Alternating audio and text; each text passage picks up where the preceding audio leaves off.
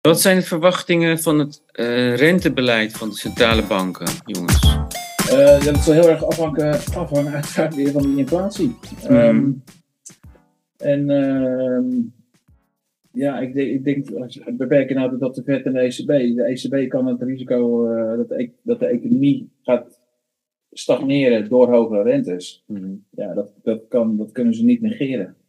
Mm. Kijk, hoge rentes uh, zijn niet alleen ongunstig voor aandelen, maar waar het mee begint, uh, ook slecht voor bedrijven, want die moeten tegen hogere rente moeten geld lenen. Mm. Ja, dat zet natuurlijk, ja, dat maakt, dat maakt het allemaal duurder. Mm. Dus ja, dat is niet goed voor je economie.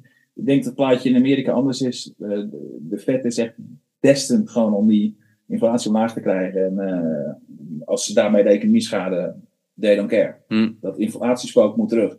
Uh, wat je afgelopen week wel ziet, dat de data, uh, de macro-data, die, die zien er nog steeds prima uit. Mm. economische groei, laatste kwartaal was voor mij iets meer dan 2%, toch? Ja. Nou, die data mm. duiden niet op een recessie. Dus, dus de Fed kan wel doorgaan met, met het verhogen van de rente. Ja. Dat is, ehm, ja, vooralsnog schaadt het de economie niet.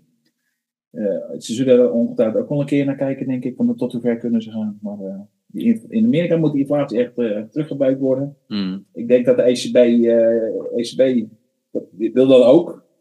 Alleen die houden denk ik toch iets meer rekening met de iets meer kwakkelende Europese economie. En de laatste verhoging uh, gisteren dus hè, van de ECB was de, de, de, woorden die Lagarde, de president, gebruikte. Die waren ook al iets softer van toon. Mm zo, bepaalde woorden die ze vorige keer gebruikten, die gebruiken ze nu niet. En ja, door sommige analisten werd het iets wat dovischer uit, uh, uitgelegd. Hoe? Dovish, dat ja.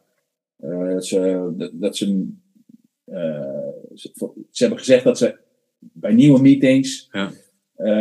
per, ja, bij elke meeting weer gaan kijken van wat is, wat is appropriate om te doen. Mm. Dus ze gaan niet meer zo heel agressief op, op het renteverhoging passen. Ah ja. Wat betekent dat, dovish? Nou, dovish is, wil dus zeggen dat je de rente eigenlijk wil verlagen. Mm. Ja, je hebt havik hawkish, hawkish is echt... Oh, dat, dat, als een duif. Ja, ja. ja, ah, nu begrijp ik. Ja. Hawkish wil zeggen dat je dan ben je ja. wel dan ben je rente verhogen. Ja, ja, ja. ja, ja. Uh, dat wordt gebruikt in de financiële wereld. Ja, uh, ja die termen ja. ken ik. Nou, het grootste probleem natuurlijk met die centrale banken is, ze hebben natuurlijk een grote fout gemaakt in de coronatijd door te lang te wachten met het verhogen van de rente. Omdat ze zeggen, ja, die inflatie die is tijdelijk. Mm. En dat zie je nu eigenlijk ook een beetje gebeuren. Ze hebben natuurlijk fors aan die renteknop uh, gedraaid. Alleen het duurt een tijdje voordat al die rentestijgingen zeg maar, door de economie uh, ja. En al die graadmeters die ze gebruiken, die, ja, die zijn alweer van een tijdje geleden. Dus de vraag is, hebben ze echt actuele informatie om te kunnen beoordelen of ze de rente nog verder moeten verhogen? Ja, en ik waag dat te betwijfelen. Het lijkt er heel sterk op dat ze nu te hawkish zijn, zoals uh, Peter dat net aangaf.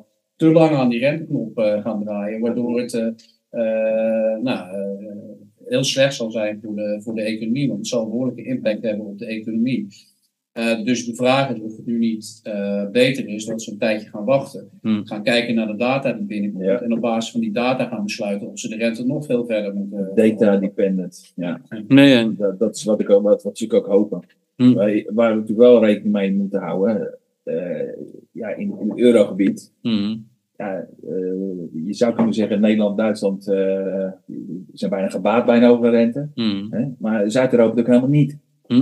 Uh, Italië, staatsschuld is nog steeds 150% van GDP. Frankrijk zit op 100%, meer dan 100%, België zit op 100%, Spanje zit er vet boven. Ja. ja, die, zijn, dus die hebben hele grote staatsschulden. Ja. ja, als die meer rente moeten gaan betalen, Mm. Zoals nu het geval is. Elke lening die ze doorrollen, nieuwe lening die ze plaatsen, dan, ja, dan moeten ze meer rente op, uh, op vergoeden. Ja. Dat is, ja, dat is waar de ECB ook naar kijkt. Je hebt eigenlijk een economie met. Want er kan ook weer meer, meer een scheur gaan ontstaan ja, in dat is, uh, Europa. Ja. Danny? Ja, ik denk persoonlijk dat ze nog één keer een renteverhoging gaan doen. Hè. Uh, zeker als je kijkt naar Amerika. En ik denk dat ze dan, uh, niet, dat er geen sprake is van een pivot, dat ze in één keer een ander rentebeleid gaan inzetten. En ik denk dat ze dan gaan wachten en dat ze inderdaad data depending zullen zijn. Hmm. dat ze eerst eens gaan afwachten wat voor impact de renteverhoging gaan hebben. Op al die belangrijke zaken die van invloed zijn op de inflatie. Kijk, als je met name kijkt ook naar de huizenprijsontwikkelingen in de Verenigde Staten, dan kan je toch wel bijna de conclusie trekken dat, dat, dat de inflatie echt wel zijn piek al heeft bereikt. Mhm. En dat het eigenlijk wel een heel goed moment zou zijn om nu te stoppen. En je ziet het ook een beetje aan de aandelenbeurzen op dit moment. al, al het negatieve nieuws lijkt al ingeprijsd. En ze houden er toch wel stiekem rekening mee dat, uh, dat ze in december gewoon op de rem gaan trappen en gaan zeggen van we stoppen er even tijdelijk mee. Dan word je natuurlijk, die, die inflatie wordt year on year berekend. Mhm. Dus hoe verder je in de cyclus komt, Mhm. dan zijn die verschillen opeens veel minder groot. Als je ja, in februari 2023, Ja. eh, dan ga je vergelijken met februari 2022. Dus Ja. ja, dan is het iets mi- minder in your face. Dus dan daalt de inflatie. Ja. Terwijl prijzen nog steeds Maar eigenlijk, veel hoger kunnen zijn dan anderhalf jaar geleden.